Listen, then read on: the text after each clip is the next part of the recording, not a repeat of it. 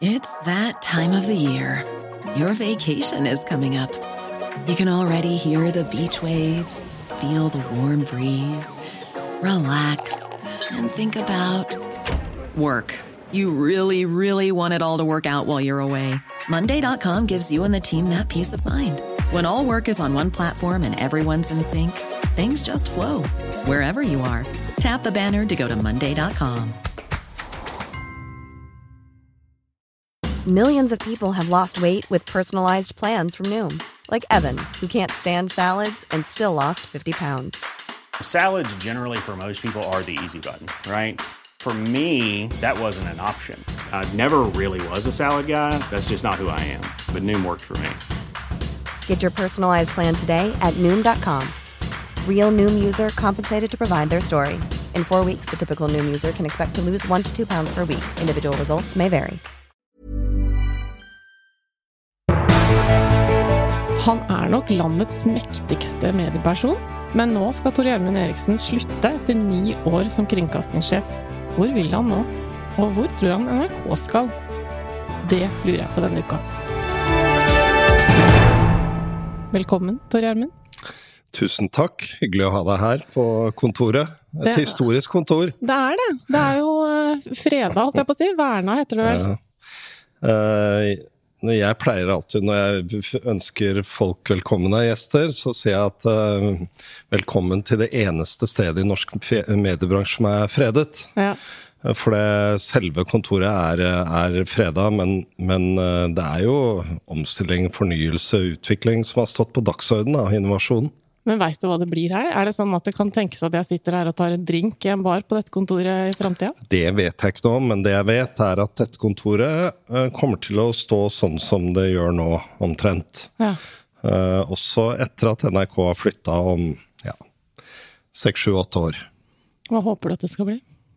Nei, det har jeg ikke noe, noe tanke om, men det er jo et flott bygg, dette. Så det er jo noe veldig positivt med at NRK flytter og gjør dette bygget mer tilgjengelig for andre.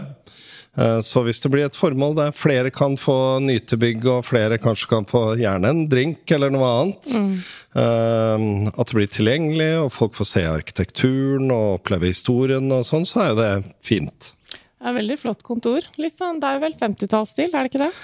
Ja, så det er jo egentlig 30-talls. Eh, Nå ble det jo Det, det ble jo tegna på midten av 30-tallet, og så begynte man å, å bygge da. Eh, Men så kom jo krigen. Ja. Så, så, og til og med møblene her er jo Noe av møblene som står her nå, er jo tegnet av arkitekten. Eh, Også pga. krigen så tok tyskerne dette og fortsatte å bygge litt, og NRK var vel inne her da på slutten av 40-tallet, eh, ja, rundt 1950. Mange sier at det er kulere å ha vært statsminister eh, enn å være det. Hva tror du du vil tenke om det å ha vært kringkastingssjef om et års tid? Det kuleste er å være det. Ok. det er jeg helt sikker på. Nei, vet du hva, jeg, jeg, eh, jeg har, har vært så utrolig glad i denne jobben, og er det fortsatt. Og litt sånn jeg må klype meg i armen av og til, og tenke på at jeg har vært så heldig å ha den. Uh, og så er det likevel et tidspunkt da etter ni år. Vi har bilder av mine forgjengere på veggen her, og det er jo egentlig bare et par som har vært noe særlig lenger enn meg. Siden 1970 så har Einar Førde vært lenger. Ellers så har jeg vel eh, Så er ni år ganske anselig. Eh, og da er timingen god, har jeg tenkt. Men jeg kommer til å glede meg over å ha hatt jobben, og tenke tilbake hvor utrolig spennende, krevende uh, ja, og kult det var. For du gir deg før, du, før åremålet er over, så du har bare tenkt at timingen var riktig, og det har du jo fortalt litt om eh, andre steder også. Tidligere var det jo to ganger fire år. Så Bjartmar Gjerde og sånn var to ganger fire år. Og så ble det to ganger seks år. eh, og der har Einar Førde satt jo to perioder, mens uh, Jonny Bernander og Hans Tore satt igjen. Og kunne jeg liksom ha vært, vært gjennom denne flytteprosessen, altså fem, seks, syv år til, så hadde jeg brukt ca. fem sekunder på å motivere meg til det. Så er det samtidig sånn at dette er ikke noe klage over åremål, altså, for jeg syns det er helt greit at, eh, at det ikke er mulig for en kringkastingssjef å sitte 15-16-17-18 år. Um, det har sine fordeler, ja. Mm. Ja, men, men, men, men uh, for meg nå uh, å, å, liksom være de to, to og et halvt siste årene, blir det da. Uh, og så måtte flytte rett før en flytteprosess skal begynne. Mm. og bygging kanskje pågår og sånn. Det er dumt for meg, og det er dumt for NRK, og det er dumt for en ny leder. Fordi en ny leder bør få grep på organisasjonen før det begynner. Skjønner. Jeg har inntrykk av at du ikke er en sånn veldig, hva skal jeg si, offentlig person, eller du har ikke noe kjendis eh, du, du er ikke veldig mye i disse kjendisspaltene. Du er en ganske privat person, stemmer det? Jeg vet ikke så veldig mye om det. Eller jeg vet en veldig, veldig viktig ting, da. Det er jo at du er fra Høybråten. Ja, det er jo det viktigste, ikke sant? jeg vet hvor du er fra. I det området der. Uh, Vi har faktisk gått nei, på samme men... ungdomsskole, tror jeg. Ja, jeg gikk på Haugenstad ungdomsskole, ja, ja. så jeg gikk vel litt før deg, men, uh, men der har vi gått, begge to. Ja. Høybråten og Stovner idrettslag, har du Der er jeg fortsatt medlem. Er du det? Ja. Fantastisk. Og så er du Vålerenga-fan. Ja. Vi var jo lært opp til det, vi som uh, vokste opp der. Ja. Uh, det er jo en del av Oslo, men det er på en måte mellom Oslo og Lillestrøm. Men det var helt utenkelig å se nordover og ikke se sørover inn mot byen. Ikke sant. For de som ikke kjenner Oslo så godt, så er jo da Høybråten og Stovner på Oslos østkant. Ja. Vi, Øverst i Groruddalen. Ja. Flott sted. Ja, jeg er veldig glad i dem. Nå har jeg riktignok flytta derfra, da. Du har det? Siste Ja, for et halvannet par år siden. Okay. Men det var mer for at jeg ville nærmere byen. og så, så, eh, så jeg solgte barndomshjemmet mitt, og så bor jeg på Carl Berner. Det er skikkelig østkant, det òg, da. Ja, det er jo for så vidt det. Østkantsentrum. Ja. Men eh, det har altså gått ni år. Eh, som kringkastersjef, har det vært sånn som du trodde? Så, hva, hva, har denne jobben vært? Hva består jobben som kringkastingssjef av? Altså Det spørsmålet får jeg ganske ofte. Ble det som du trodde? Mm. og da må man jo spørre hva trodde man den gangen? Og jeg tror at alt vi trodde for ni-ti år siden, uh, omtrent ikke har gått sånn som vi trodde. Okay. Altså, jeg tror Det er ikke mulig å ta inn over seg uh, hvor store endringer det har vært i mediemarkedet. Hvor enorme endringer det har vært i, i teknologien. Eh, det er jo sånn at Vi ser liksom ikke forskjell på digitaliseringen fra måned til måned eller år til år. Men nå snakker vi om en periode på nesten ti år. Mm. Og da jeg begynte, så visste verken du eller jeg hva Netflix var. Mm. Eller hva omtrent da det kom. Mm. Den globale medieindustrien har rulla innover. Eh, I år er første året jo der størstedelen av vårt publikum bruker da valgbart innhold og de nye mm. digitale plattformene i større grad enn lineært. Og hvis du tenker deg på den eh, fra 60 år og yngre, så er det en stor eh, Da bruker man de digitale plattformene mye mer. Altså For ni år siden så var det ikke mulig å måle, nesten. Mm. Eh, kompetansekravene i bransjen totalt endret. NRK er en helt annen organisasjon. Eh, bare på den teknologiske siden så har vi kanskje ja, vi har helt ny kompetanse. Vi har ja, åtte-ti ganger så mange medieutviklere som kan digitalisering. Mm. Uh, vi har økt kvaliteten noe enormt til konkurranse med det globale. Hvis ikke så hadde vi dødd underveis. Mm. Eh, sånn at eh, jeg tror, og sånn blir det framover, hvis du og jeg setter oss ned nå og spår fem til ti år framover, så er det én ting som er sikkert, og det er at vi kommer til å bomme. Prøv allikevel, da. Jo, men jeg tror liksom at det, det sikreste man kan si, da, det er at tempoet kommer til å gå opp. Ja endringene kommer til å bli enda større og enda raskere. Mm. Og det er ikke mulig å se hvem som er konkurrentene om eh, fem og ti år. Nei. Forrige uke så kjøpte Microsoft mm. et spillselskap mm. Eh, til 600 milliarder norske kroner. Eh, de skal lage strømmetjeneste for spill. Ja, de kommer til å lage dramaserier på toppen av det, mm. knytta til spillene. Mm. Det, det, eh, slår sammen teknologi, eh, historiefortelling, eh, communities ikke sant? Det er så store endringer. Men så er det noe som er fast, da, og det, det var kanskje det jeg håpa og trodde. At NRK fortsatt skulle uh, liksom lykkes i å være en slags fellesarena i Norge. da. Eh, Uh, hvis vi drar til USA, så kan jeg spørre folk hvilke, te hvilke medier bruker du? Og da kan du med 100% sikkerhet si hva du stemmer. Ja. I Norge så er det heldigvis sånn at folk som leser Aftenposten, de stemmer både Høyre, Arbeiderpartiet og Frp. Eh, folk som bruker NRK, det er alle i Norge, stort sett. ja, for Eh, dere har jo et litt spesielt samfunnsoppdrag. Kan ikke du prøve å forklare det, for de som ikke reflekterer så mye over hva som er eh, oppdraget NRK egentlig har fått fra staten? Nei, altså NRK er jo et fellesgode på, på linje med veibygging eller helsevesen eller utdanning. Eh, og første setning i vårt oppdrag er i og for seg den samme setning som BBC har. Og det er at vi skal være med å styrke eller fylle demokratiske, sosiale og kulturelle behov. Eh, og det, det, det er jo ikke bare det innholdet NRK lager og publiserer, men det er jo at vi også blir et slags eh, skal være en litt sånn tyngdepunkt i norsk medievirkelighet, som gjør at også andre må lage godt norsk innhold og konkurrere.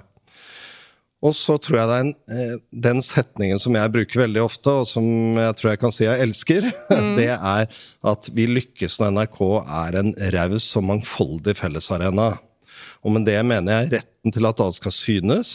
Retten til at vi alle i Norge, om vi er, eh, heter Mohammed eller Thor, er muslim, eh, kristen, ikke tror, eh, uansett hvor du er fra, så skal du se dette mangfoldet på den offentlige fellesarenaen. Noen å kjenne seg igjen i. Og vi skal også ha en offentlighet der ulike meninger og bakgrunner brytes og, og, og møtes. Og det tror jeg er så utrolig viktig, eh, at, eh, at vi har den fellesarenaen. Og når jeg ser på mine forgjengere, så liksom etter krigen så var det NRKs oppgave liksom å fortelle Gerhardsens historie om sånn lever vi i Norge. Og det var veldig sånn homogen. Smør matpakke, stå opp om morgenen, gjør din, gjør, gjør din plikt og krev din rett. Og sånn er vi. Det var veldig homogene. Det var limet i samfunnet. I dag så er jo det limet å bygge aksept for forskjellighet. Aksept for at folk skal få leve sine liv. Og liksom toleranse for at folk gjør egne valg. Eh, til deg som hører på, så må jeg bare forklare at nå sitter Tor Gjermund og ser på og peker på da, bildene av sine forgjengere, altså de tidligere kringkastingssjefene. Ja. Er det noe du Altså, er det sånn du gjør mye? Tenker du over eh, alle de som har vært før deg, og om du leverer like bra? Nei, men, men eh, ikke på den måten. Nei. Men akkurat det foredraget med de eh, bildene der, Det det, holder jeg ganske ofte. Særlig på nyansatte. Men det handler ikke om de personene. Nei. Men det handler om hvilke faser NRK gikk igjennom. Det var ikke noe tvil om at etter krigen så var det liksom statens på en måte verktøy, eller eh, hensikt med å fortelle historien om hva Norge skulle være. Eh, hvordan man skulle leve, eh, ikke sant. Og så og så først utpå på 70-tallet, så først da begynte NRK egentlig å få egne redaksjonelle ambisjoner. Og så kom jo historien om da, da Einar Førde her hadde vært her en stund, så begynte liberaliseringen, og det kom konkurrenter, og monopoltida var over. Og det gjorde at NRK ikke lenger kunne sitte, lukke dørene og vinduene og bestemme hva folk skulle være interessert i. Eh, og det tror jeg var sunt, altså. Da måtte man jo på en måte tolke det behovet som folk har. Altså hvordan skal vi møte behovet, og gjøre seg fortjent til både tillit og bruk, da. Hvordan har du tenkt eh, med det som utgangspunkt, da? Altså, for dere er jo nå i konkurranse med andre mediehus, selv om dere finansieres på en helt annen måte. Så dere må jo tenke egentlig ganske kommersielt allikevel? Jeg mener jo at ordet kommersielt ikke er riktig å bruke der. fordi At, eh, men vi må, vi må selvsagt tenke hvordan skal vi nå fram med innhold til de ulike målgruppene? Eh, For hvis ikke så er det ikke noe vits i.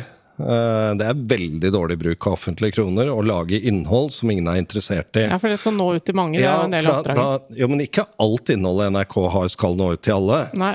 Eh, men det er viktig å ha både det brede, både Maskorama, men også gudstjenesten på søndag, ikke sant? Uh, fordi at dette oppdraget består av veldig mange for, forpliktelser. Og når du spør hvordan har du tenkt, det, så har jeg vel tenkt at NRK må åpne opp.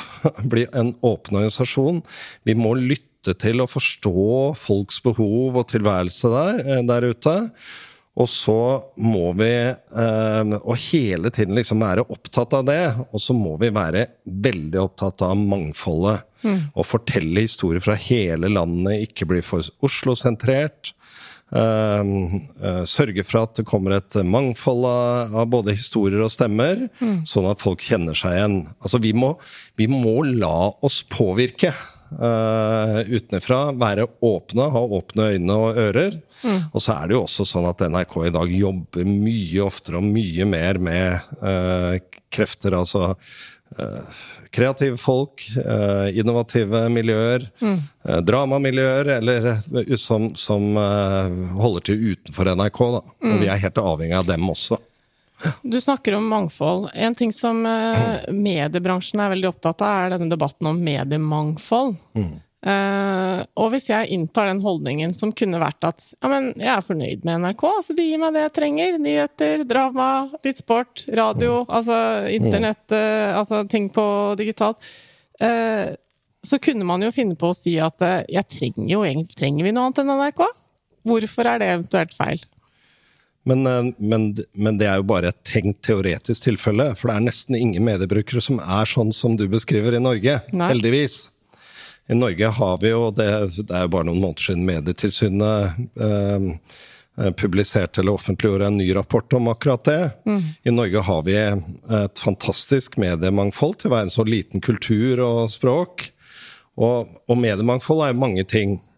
Det ene er jo at du har mange ulike medier, og mange medieeiere, hvorav eh, NRK er en av de. Det andre perspektivet er jo at vi skal ha sjangerbredde, at det skal finnes mye innhold. Ikke bare én type underholdning eller én type dokumentarer. Mm. Det skal både være livssyn og kultur, og noe av det mangfoldet står nesten NRK for aleine. Det er veldig få som har programmer om norsk eh, folkemusikk utenom NRK. Ja. Og kultur og sånn. Jo, men det er en viktig del av mangfoldet som NRK eh, bringer til torgs. Og så er det jo tredje mediemangfoldsperspektiv mediemangfoldsperspektivet som kanskje er det viktigste. Det er jo at folk faktisk bruker ulike medier. Ikke gjør som du sier, bare bruker NRK, og, men får ulike perspektiver. Og det vi ser, er jo at folk som er opptatt av samfunn, eller opptatt av drama, eller opptatt av de, de bruker mange medier, for de ønsker ulikt innhold og ulike pers perspektiver, både skriftlige og radio og TV. Så realiteten er jo heldigvis at i Norge så bruker veldig mange av oss veldig mange ulike medier. Og også føle at det er så mye innhold der ute at du klarer ikke å nå over det. Ja, det er jo frustrerende. Det er jo kanskje Ja, ja, den største irritasjonen. Ja, det er, Det er jo for mye bra, rett og slett. Det er jo helt fantastisk nå, ikke sant, hvordan norsk dramabransje, dramabransje f.eks. Og, og NRK er en del av det, og vi er helt avhengig av uh, både interne og eksterne krefter. Men vi, vi var jo vant til ja, Da vi var barn, så var det liksom Ja, den var god for å være norsk. Mm. Eh, det. det, det holder jo ikke lenger. Nei. Da har folk tusen andre ting. Men så de siste 10-20 årene så har vi jo tenkt at danskene har vært så enormt mye flinkere enn oss andre i Norden. Og nå opplever jeg at vi har en dramabransje i Norge eh, som er i verdensklasse. Og som NRK får produksjoner fra, TV 2, TV3, Netflix, mm. alle sammen. Og det er jo altså så stort mangfold at vi kan se en ny dra norsk dramaserie Ja. i hvert fall hver uke. Ja, og jeg litt så oftere noen enn det. episoder av Lykkeland i går. Det Ja. kan jo bekreftes. Ja. Det er jo, som du pleier å si, innhold i verdensklasse. Ja, og det er det eh, Så ikke sant? vi kan se på at teknologi og konkurranse har forandra seg på disse ni årene. Men hvis du skal bruke liksom ett ord på hva som har forandra seg mest, så er det altså en enorm, helt hinsides kvalitetsøkning. Eh, hvis du setter oss ned og ser på noen dramaserier som er ti år gamle nå, så er det altså ser så gammeldags ut. Eh, og det er både kreative måten å fortelle historier på, tekniske produksjoner og alt mulig.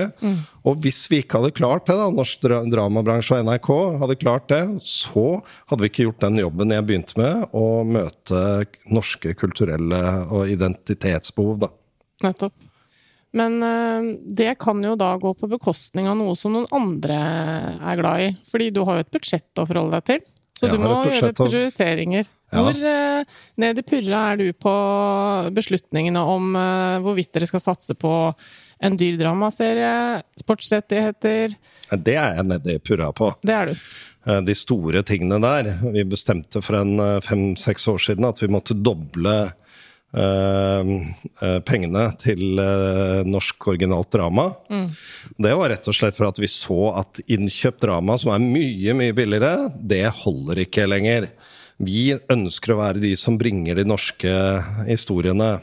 Lykkeland er et godt eksempel på det, som er en kjempedyr serie, selvsagt, fordi det er en historisk serie. Men en utrolig viktig serie. Sånn at eh, den type ting Vi dob dobla det innenfor det samme budsjettet. Eh, samme med rettighetsbildet. Der er jo sportsrettigheter blitt dyrere, selvsagt. Men også andre rettigheter, senderettigheter, er blitt dyrere. Eh, Så de store pengene sånn er selvsagt jeg inne i og diskuterer og har en eh, innflytelse over, selvsagt. Så det er på en måte litt din skyld at jeg nå neste uke ikke kan se OL eh, sånn som jeg pleide å gjøre det før. Eh, Er det neste uke? Hva? Er det neste uke? Uh, nei, det er, Nei. eh, begynner, det er to uker til. Så uker bomma ikke så veldig. Nei, ikke sant? Men det er noe med at det, det, har, det er litt off radar. Ja da, Men nå hadde jo OL allerede skifta. Hadde jo vært på noen flere steder før jeg begynte her. Ja. Men poenget er at det eh, Vi kan ikke betale hva som helst. Og når OL ble solgt forrige gang, så ble det solgt for 55 land i Europa. Du fikk ikke kjøpt Norge. Fikk ikke engang kjøpt Norden, det har vi prøvd på sammen med de andre. De kjøpte for hele Europa Discovery for ja, nå husker jeg det ikke lenger, men 12-13 milliarder norske kroner. Og da kom vi ikke til bordet. Ehm, sånn at eh, eh, partnersamarbeid og, og internasjonalt samarbeid er jo veldig viktig for oss. Så nå har vi jo kjøpt mye rettigheter med, med TV 2 det siste, og kjøpt rettigheter gjennom EBU.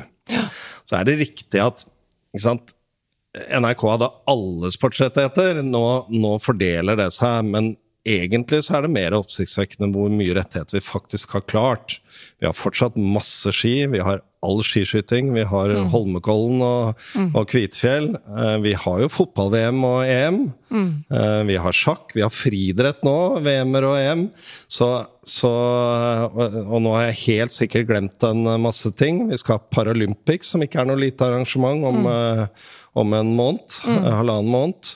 Så, så rettighetene eh, NRK har jo ikke alle vinterrettigheter, men vi har gode sportsrettigheter fortsatt. Og så er det eneste som er sikkert nå, det er at når man kjøper en rettighet, så er risikoen for å miste den neste gang ganske, ganske stor. Så vi kommer til å være offensive når OL skal selges neste gang, og ski-VM og den type ting. Så får vi se. Altså, jeg er helt eh, komfortabel med at eh, du lar den gå og heller lage Men en bra dramaserie. Nei, men da blir det jo ikke deg, da. Men, eh, for jeg er glad i sport på TV. Ja, vet du. Og den makta mister du jo litt nå, da. Mm. Men for, hvor mektig er egentlig en kringkastingssjef? folk overdriver i stor grad hvor, hvor, hvor liksom hands on jeg er på ting.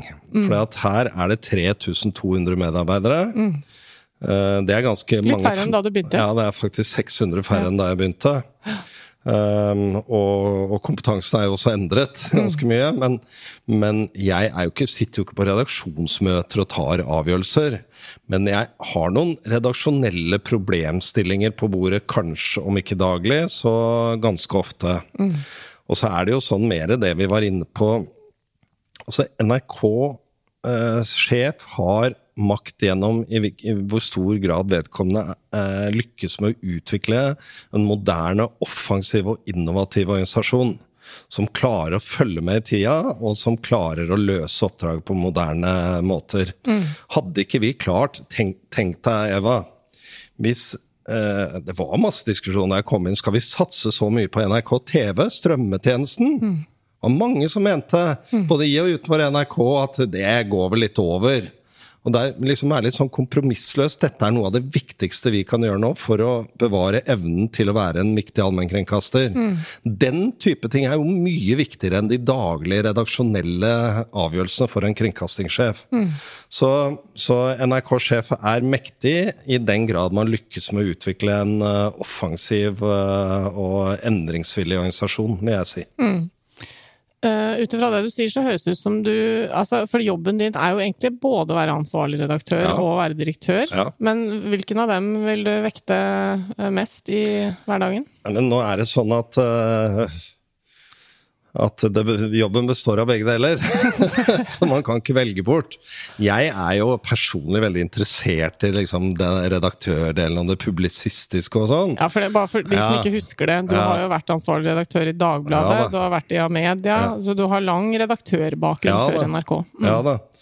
Så jeg liker jo, i den grad jeg blir involvert og være med å diskutere det, er dette presseetisk forsvarlig? Eh, er det riktig å satse på dette? Eh, og så er det jo klart at når ting kommer til offentligheten, så er det jo alltid Første spørsmålet er kan kringkastingssjefen kommentere dette. Men hvis jeg skal kommentere alt mulig, og ikke la den enkelte redaksjon få håndtere det, så kommer det ikke til å gå, rett og slett.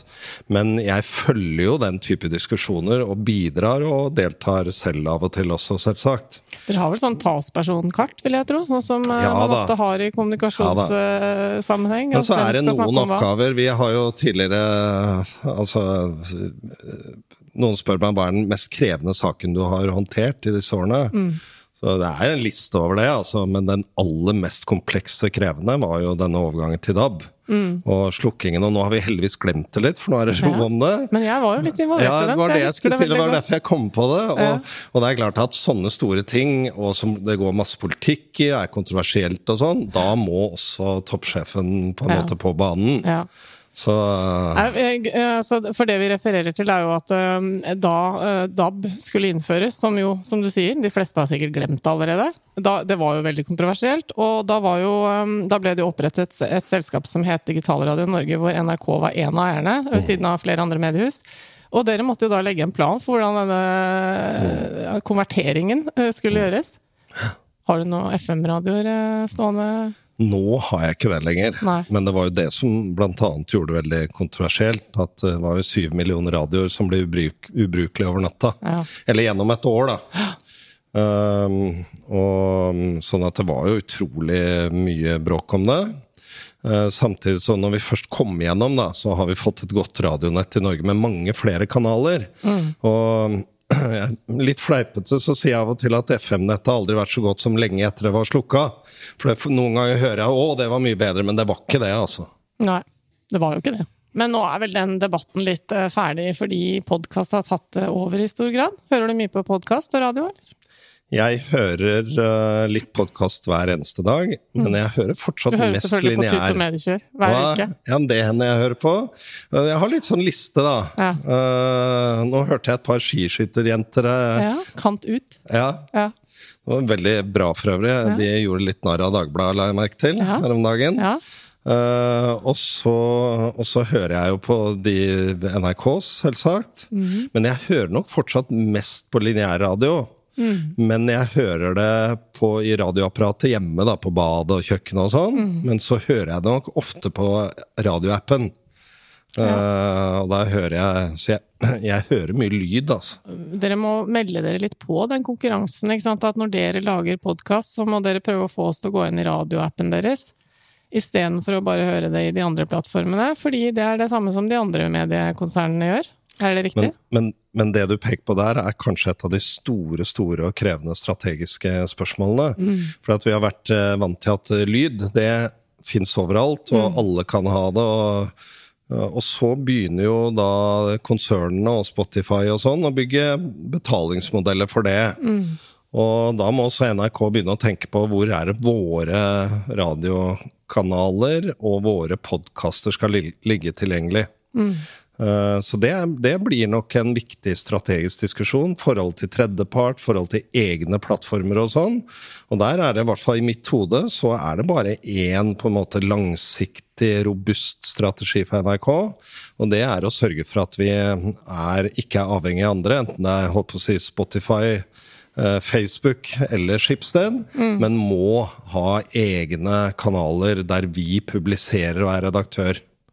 Eh, Så NRK, å ta vare på NRKs merkevare og egne plattformer, både for, for lyd og bilde, kommer til å være kjempeviktig. Så det er da noe som erstatteren din eh, må bryne seg på. Hvor mange ja, ganger har du blitt spurt om eh, hvem du tror blir etterfølgeren din? Nei, det er mange. Men jeg har ikke noe Jeg tror ikke egentlig så mye om det. Nei. Men jeg har jo lagt merke til at det er en del navn i, i Og alle regner med at det skal bli kvinne osv. Og, så og derfor så jeg, jeg kjenner jo bransjen godt, da, Eva. Ja. Så jeg vil å- svare på en annen måte. Jeg vil bli overraska over å ikke kjenne vedkommende. Ja. Eller vet hvem vedkommende er som tar over denne fantastiske jobben. da. Men er det Altså, hva er det som er viktig med det mennesket? Eh, Er det lederegenskapen? Er det den redaksjonelle bakgrunnen? Eller er det rett og slett endringsledelse? Og dere skal jo inn i en stor flytteprosess og Ja, det, det første og siste, altså lederegenskaper og endringsledelse, er jo noe av det samme. Jeg er ikke i tvil om at det er det. Men må, må være- det stå journalist nederst på CV-en til vedkommende? Nei, det må det ikke, men du må ha forståelse for publisistiske problemstillinger. Ja. Eh, fordi at vi står oftere og oftere eh, i diskusjoner om det. Eh, vi har hatt har jo rett som det er en, en diskusjon om bør NRK sende dette. Eh, du, du må liksom ha evne til å stå i det og forsvare det brede oppdraget. Du må tåle at enkelte hevder at de blir krenka. Eh, og du må være litt modig. Ja. Så, så, men likevel, igjen, en kringkastingssjef er eh, først og, lykkes først og fremst i den grad man får, la, får en organisasjon til å virke, til å drive innovasjon, og man får andre ledere og medarbeidere til å liksom både blø for drakta, men også liksom ville møte nye utfordringer, ville skape nytt, ville fortelle historier.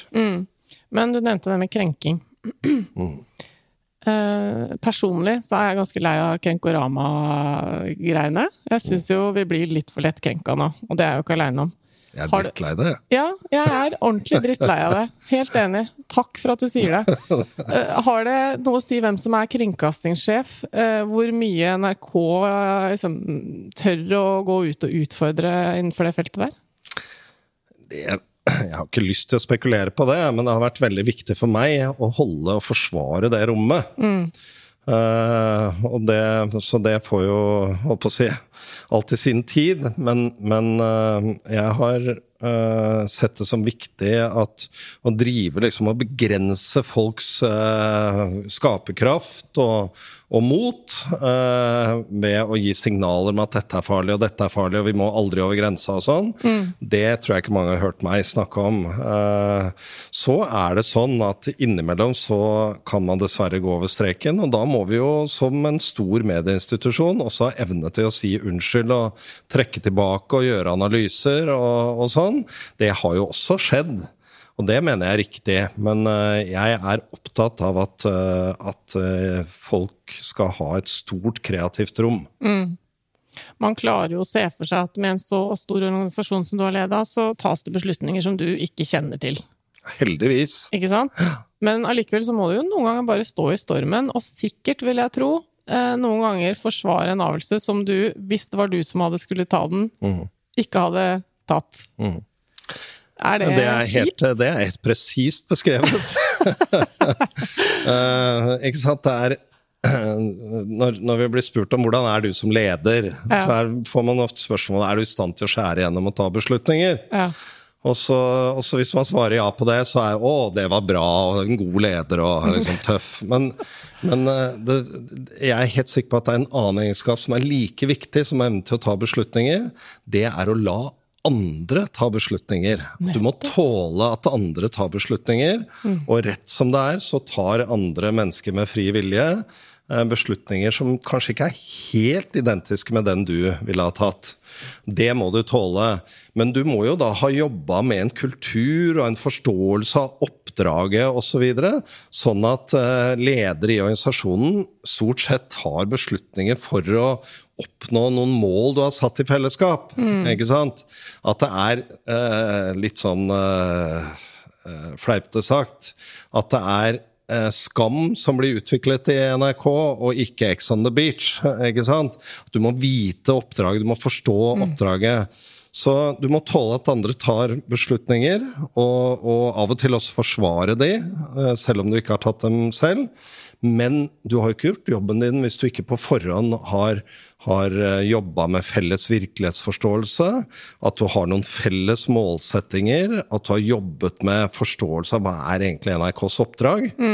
Eh, ikke sant? Og, og at, eh, at folk ser på liksom, Har de rimelig samme ambisjonene? Og en god bedriftskultur. Det er først da du kan slippe dette fritt. Eh, Du er først er inne på sånn lederråd. Har du noen flere gode, eller? hva tenker du på da? Nei, for, å være en god leder. Ja, Kanskje det, spesielt jeg, jeg blir jo rett som det er spurt, da, om sånne små foredrag og sånn, Ja. om ledelse, og det Ja. holder jeg. Ja. Og da, da er det første jeg alltid sier, er det mest banale, men det viktigste. Hvis du skal være leder, så må du ville det. Det er så mange som er ledere, og så, og så blir det spurt ja, hva, hva vil du gjøre da? Nei, og så sier de nei, jeg vet ikke helt. Og, og, og det er kanskje det aller viktigste. Hvis du er leder, så må du ha lyst til å være leder, og du må ha lyst til å få fram det beste i de rundt deg, og du må jobbe med liksom å tenke hva er det jeg vil oppnå her da? Hva er det jeg vil bidra til? Eh, så det mener jeg er eh, Så jeg har, har to-tre sånne ting jeg ofte snakker om. Det er det der å bli enig med deg sjøl om du vil være leder, og hva du vil oppnå. Mm. Eller om du kanskje heller vil jobbe med fag. ja, som da for bør, du eksempel, da bør du eh, jobbe med fag, meg, hvis du ja. heller vil det. Og, og det andre er dette vi snakket om nå, eh, at i en verden som endrer seg så fort, så vil ikke, særlig ikke en så stor organisasjon som NRK, så vil, en, vil det bli tatt gale beslutninger, og organisasjonen blir for treig hvis alt skal gå opp om toppledelsen. Da må du ha en organisasjon der, der det tas beslutninger hele tiden på alle nivåer. Og for at du skal kunne det, så må du jobbe med felles virkelighetsforståelse og felles kultur og felles uh, strategi. Et eksempel på det er jo at hvis eh, hvis vi ser ut av vinduet, og du mener det regner, og jeg mener at sola skinner, så har vi litt ulike løsninger på hva vi skal gjøre når vi kommer ut. Og Derfor er det veldig viktig liksom, å, å snakke om hva betyr konkurransen. Uh, hva, hva betydde det for NRK at eh, veldig mange globale aktører kom med mye flott drama? Jo, da ble vi ganske Den virkelighetsforståelsen var vi enige om. Vi må bli bedre på norsk drama. Da kan du godt være uenig og diskutere hvordan du skal løse. Så det er nummer to. Felles eh, kultur- og virkelighetsforståelse og strategi. Og det tredje er jo rett og slett å være en litt sånn foruts, forutsigbar leder, i den forstand um, at eh, du må, ha, du må ønske at folk lykkes, du må gi folk rammer. Og når de har gjort noe, så må du ikke si 'det var ikke det jeg mente'. Du må være litt sånn eh, forutsigbar i din ledelse overfor andre mennesker. Ja, for hvis jeg er redaktør i NRK-systemet, så, så er jo jeg litt redd for å ta kontroversielle beslutninger hvis ikke jeg veit at jeg, du har ryggen min. Ja, eh, og den frykten må jo være så liten som mulig. Ja. For vi skal være modige, Uh, og det er det jeg mener med å være litt forutsigbar. ja. Uh, og det er Altså, når de jobber i NRK Super, så vet de at oppdraget, hva oppdraget er, hva NRKs oppdrag er. Eh, og da skal de være modige, og det av og til så får de kritikk. Ja, og så sier de jo, men vårt oppdrag er faktisk om, om å nå 13- og 14-åringen. Ikke, ikke 60- og 70- og 80-åringene. Da må vi tørre å snakke deres språk. Tørre å berøre de problemstillingene de er opptatt av. Det er vårt oppdrag. Når de gjør det, så vet de jo at jeg alltid vil stå der.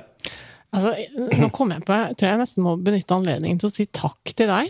at eh, jeg har jo barn som har vokst opp mens du har vært kringkastingssjef, og det produktet som NRK leverer til barn, Det er jo virkelig formidabelt. Så da fikk jeg sagt det. Ja, men det er hyggelig. Men du, det er det, det, altså barna er nesten den gruppa som er utsatt for aller mest eh, internasjonal konkurranse. Ja. Så jeg har tenkt på nå, Barna mine er barn og barn 22 og 25, så de er liksom over det. Men jeg tenker selv for dem, da, og ikke minst for litt mindre barn, så er det jo ikke sånn at noen vil mangle innhold eller barneinnhold. Det er mer enn nok på Disney for ett og to og tre liv. eh, Ja da, eller andre. Men spørsmålet er hva er det som er Nettopp. der? Ja. Men vi vil vi, Det er noe som går tapt hvis de ikke har noen norsk innhold fra deres virkelighet. Mm. Eh, for det skaper fellesskap i, i, i vårt samfunn. da. Absolutt. Tror du NRK kunne hatt Tosca som sjakkekspert? Um, men det hadde vi ikke. Det var en variant av ingen kommentar. ne, uh, nei, nå var det vel litt var, Nå var det vel litt usikre på hva han egentlig var til slutt. Om Ja. det var ekspert eller gjest eller hva det nå var. Ja. Så, så Og så har ikke du lyst til å kritisere konkurrenten Jo, nei, din men, og sånn? nei, men jeg, jeg Vi vil nok eh, jeg, Du må spørre Egil Sundvår, som er sportsredaktør. Han klarerer ikke alle gjester med kringkastingssjefen, altså. Han gjør ikke det. Han tenker kanskje på i den sammenhengen hva Ja. ville Tor Gjermund sagt? Ja, det, og da ville jeg nok sagt, vært litt skeptisk til det. Ja. Det tenker jeg. Ja. Og når det gjelder um, Anders Behring Breivik-dekningen uh, nå i det siste eh, Det var mye debatt i mediene. På forhånd faktisk også, så var det mange som gikk ut og, og, og som fortalte hvordan de hadde planlagt dekningen, at den skulle være nedtonet osv. Hva tenker du om, eh, om hvordan NRK sin dekning var der? For det første så mener jeg det er en god trend. Mm. At, eh, at vi ikke bare eh, publiserer historier, men også forteller åpent om våre metoder og hva vi tenker og hvilke avveininger vi gjør. Ja, det er jo veldig enig det, og det gjør mange nå. Når det gjelder dekningen, så skjønner jeg at, at eh, for det første at det er, er jo vondt for mange å se dette som er rammet og sånn. Men det er ikke sånn at samfunnet kan være helt uten eh, journalistikk som også gjør vondt. Og jeg, jeg satt og diskuterte det hjemme i går, og jeg syns at eh, dekningen var god. Den var satt inn i en kontekst. Eh, og du kan, du kan alltid si at han gjør det bare for å få oppmerksomhet. Terroristen gjør det bare for å få oppmerksomhet. Derfor så burde vi ikke gi han det. Men vi liker jo ikke å være i et samfunn der vi ikke kan fortelle om, om det som skjer. Og tenk hvis vi skulle, skulle tenkt sånn at dette er en rettsprosess i et demokratisk land eh, med stor grad av rettssikkerhet, som vi ikke ønsker å fortelle fordi det blir oppmerksomhet. Jeg tror det bringer oss galt av sted. Mm. Så jeg syns at norske medier eh, stort sett eh, Nå var det jo litt forskjell. Eh, ja. Eh, stort sett kom bra eh, ut av det. Mm. Og, og dessverre så er jo dette en traume og en stor tragedie som skjedde for 10-11 år siden. Mm. Eh, som vi må leve med, og som vi må tørre å kjenne på litt av og til. Med ja, smerte. det var jo noen andre medier som eh, hadde, eller noen få, som hadde livestreaming nærmest før rettssaken. Det hadde vel ikke NRK. Det hadde vi ikke. Men eh, jeg merker at det, det er en del som fortsatt har sånn, et behov for å være litt kritisk til NRKs rolle som sånn, eh, hva skal jeg si, talerør for myndighetene. At man har hengt seg litt opp i at dere har et oppdrag fra myndighetene, at man lurer på om dere noen ganger går litt for langt i å være informasjonskanal. Eh, og håper si, jeg klarer fint å se for meg hva du svarer nå, hvis jeg bare For det, det er dere jo ikke, dere har jo redaksjonell frihet. Men eh, en del lyttere har spurt oss eh, ble, ble det litt vel mye prinsesse Ingrid Alexandra hyllest uh, da hun ble 18 år, fordi det er monarken, altså vår fremtidige monark. Og noen andre har spurt er det riktig at NRK Super lager eh, innhold som snakker til barn og forteller dem at nå må du ta vaksine? Nå har ikke jeg sett helt det, er mulig du ikke kjenner til det, men ja, det kom akkurat den siste har jeg ikke. Nei. Men jeg syns ikke det er noe problem om det var tilfellet, da. nei. Nei, men altså, hva Nei, men, men for det første er det sånn at det skulle bare mangle om ikke den diskusjonen var der hele tiden. Og, og jeg tenker at det er noe sunt i det. Eh, og igjen, NRK må ha holdt på å si, vinduer åpne og ører og, og øynene åpne ut. Og må ta diskusjonen og merke seg diskusjonen. Men så er det jo sånn da at, at eh, NRK, vi har aldri målt så høy tillit som nå. Uh, NRK har veldig bred tillit eh, blant folk i Norge. Da blir du vel litt stolt, gjør du ikke det? Ja, kjempestolt. Og så er det søren klype meg noen som sier at det er et problem. Og det, og, jo, men, og det, det er litt sånn der, der kjenner jeg at jeg blir litt engasjert, fordi jeg mener at et sånt utsagn at det er et problem, er en undervurdering av folk flest sin egen kritiske evne. For at da legger man til grunn at tillit er en sånn lab logrende labrador-egenskap. Men, men at, at vi har tillit for det vi bare stoler så veldig på. Men jeg, jeg tror at når folk uttrykker tillit, så er det fordi eh, i stor grad at man slipper til flere meninger, at man er mangfoldig osv. Mm. og at, eh, at NRK eh, kommer til å ødelegge tilliten hvis vi ikke tør å være kontroversielle av og til.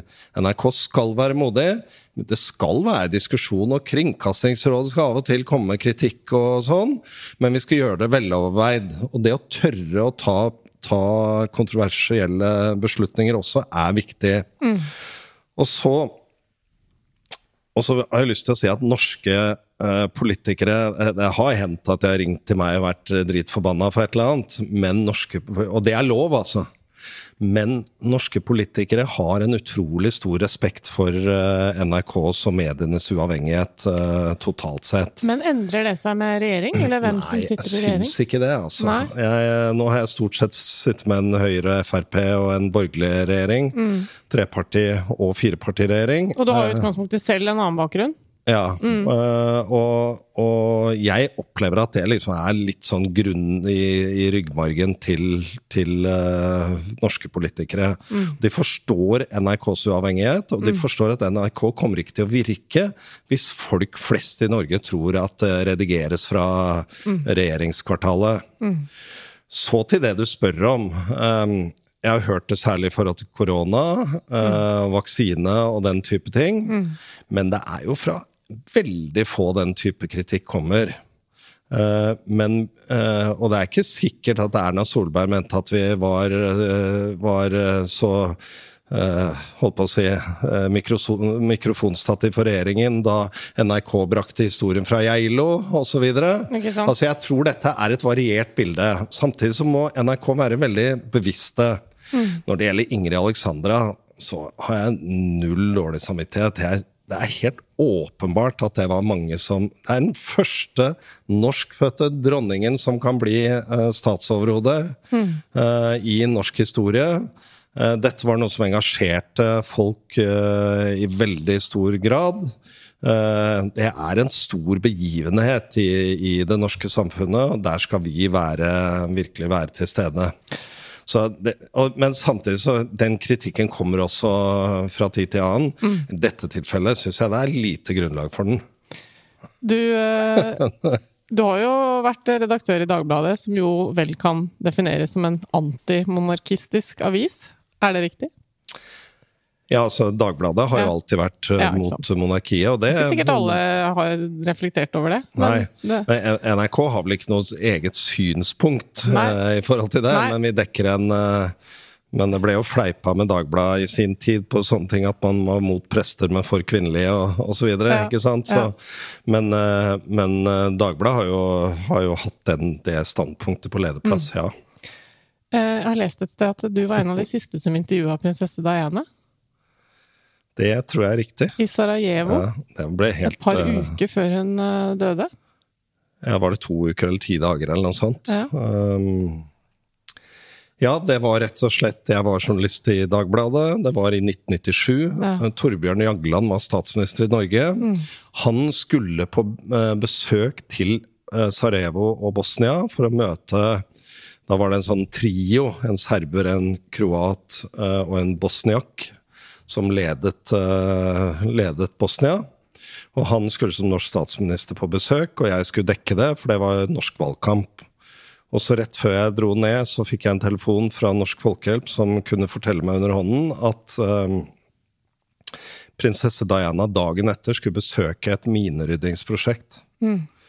Og det falt sammen med at uh, det ble kjent at hun var blitt kjæreste med Dodi Al-Fayed. Mm. Så uh, i løpet av et døgn da så ble uh, Jeg dro ned. I løpet av det døgnet så ble Sarajevo rett og slett altså, Jeg overdriver ikke når jeg sier fylt opp av internasjonale fotografer. Mm. Um, fordi um, de skulle ha bilde, prøve å komme nær Diana. Ikke nødvendigvis bare av mineryddingen, men av litt altså, andre De var jo overhodet ikke interessert i mineryddingen. uh, altså overhodet ikke. Mm. Uh, jeg hadde blitt lovt, sammen med en fra uh, Arbeiderbladet den gangen, Elisabeth Salvesen, uh, så ble vi lovt å kunne få møte Diana. Mm. Og det ble et mye mer omfattende møte enn jeg hadde drømt om. Mm. Fordi vi spiste lunsj i en time eller to mm. på en restaurant, sånn Frogneseteren-aktig type restaurant oppe i åsen overfor Sarajevo. Ja hundrevis av journalister og fotografer i trærne, i lyktestolper, rundt denne restauranten. Ja. Um, og, og, jeg lovte jo da jeg kom inn der at jeg ikke skulle spørre om Dodi. Så det var jo minerydding. Hvem måtte du love det til? Nei, men Jeg husker ikke. Det var liksom en sånn En forutsetning ja, for at hun skulle var, stille opp? Det var liksom ikke én som spurte meg om det. Nei. Eh, men jeg skrev jo dette selvsagt inn i saken.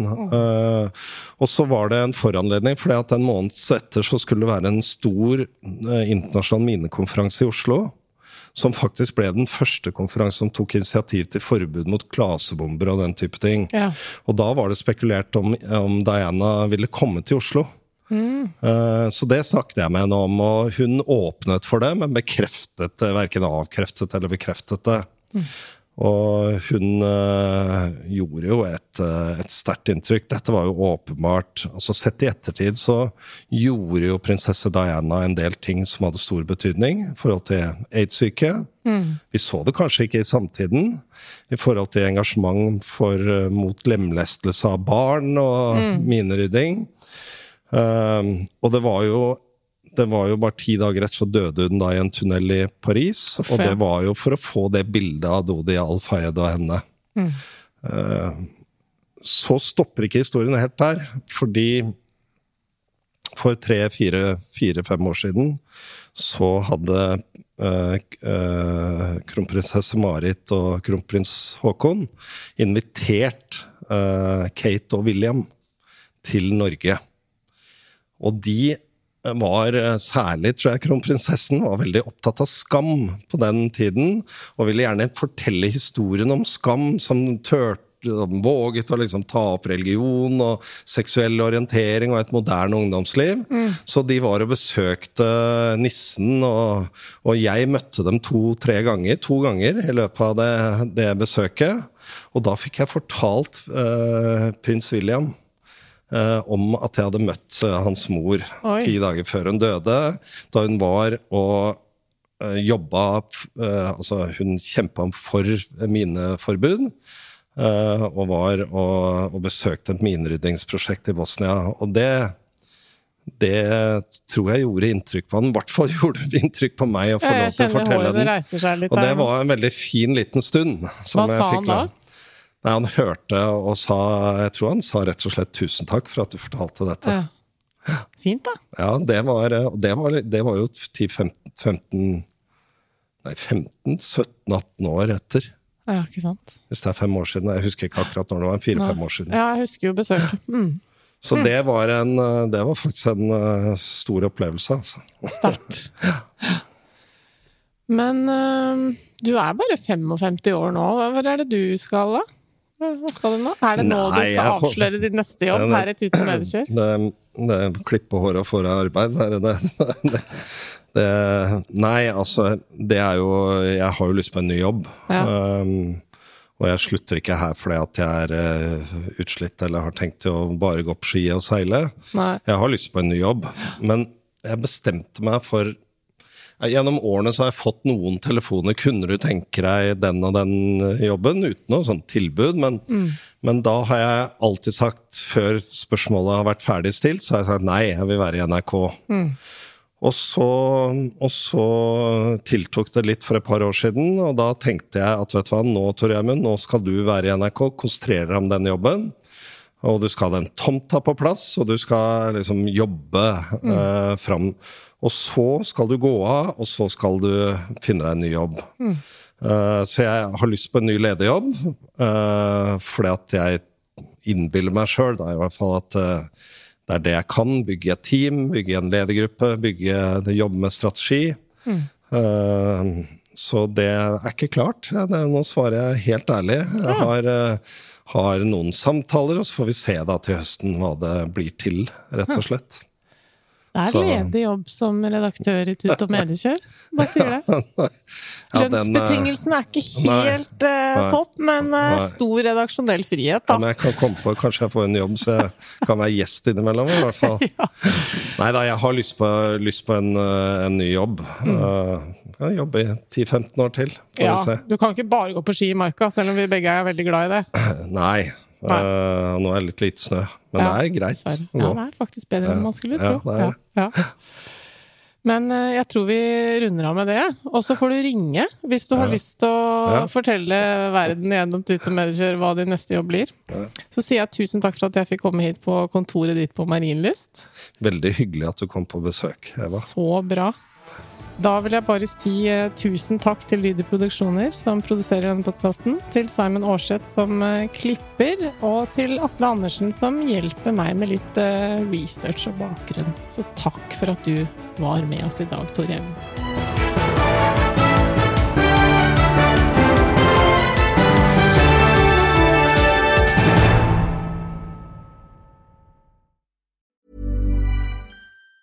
Planning for your next trip?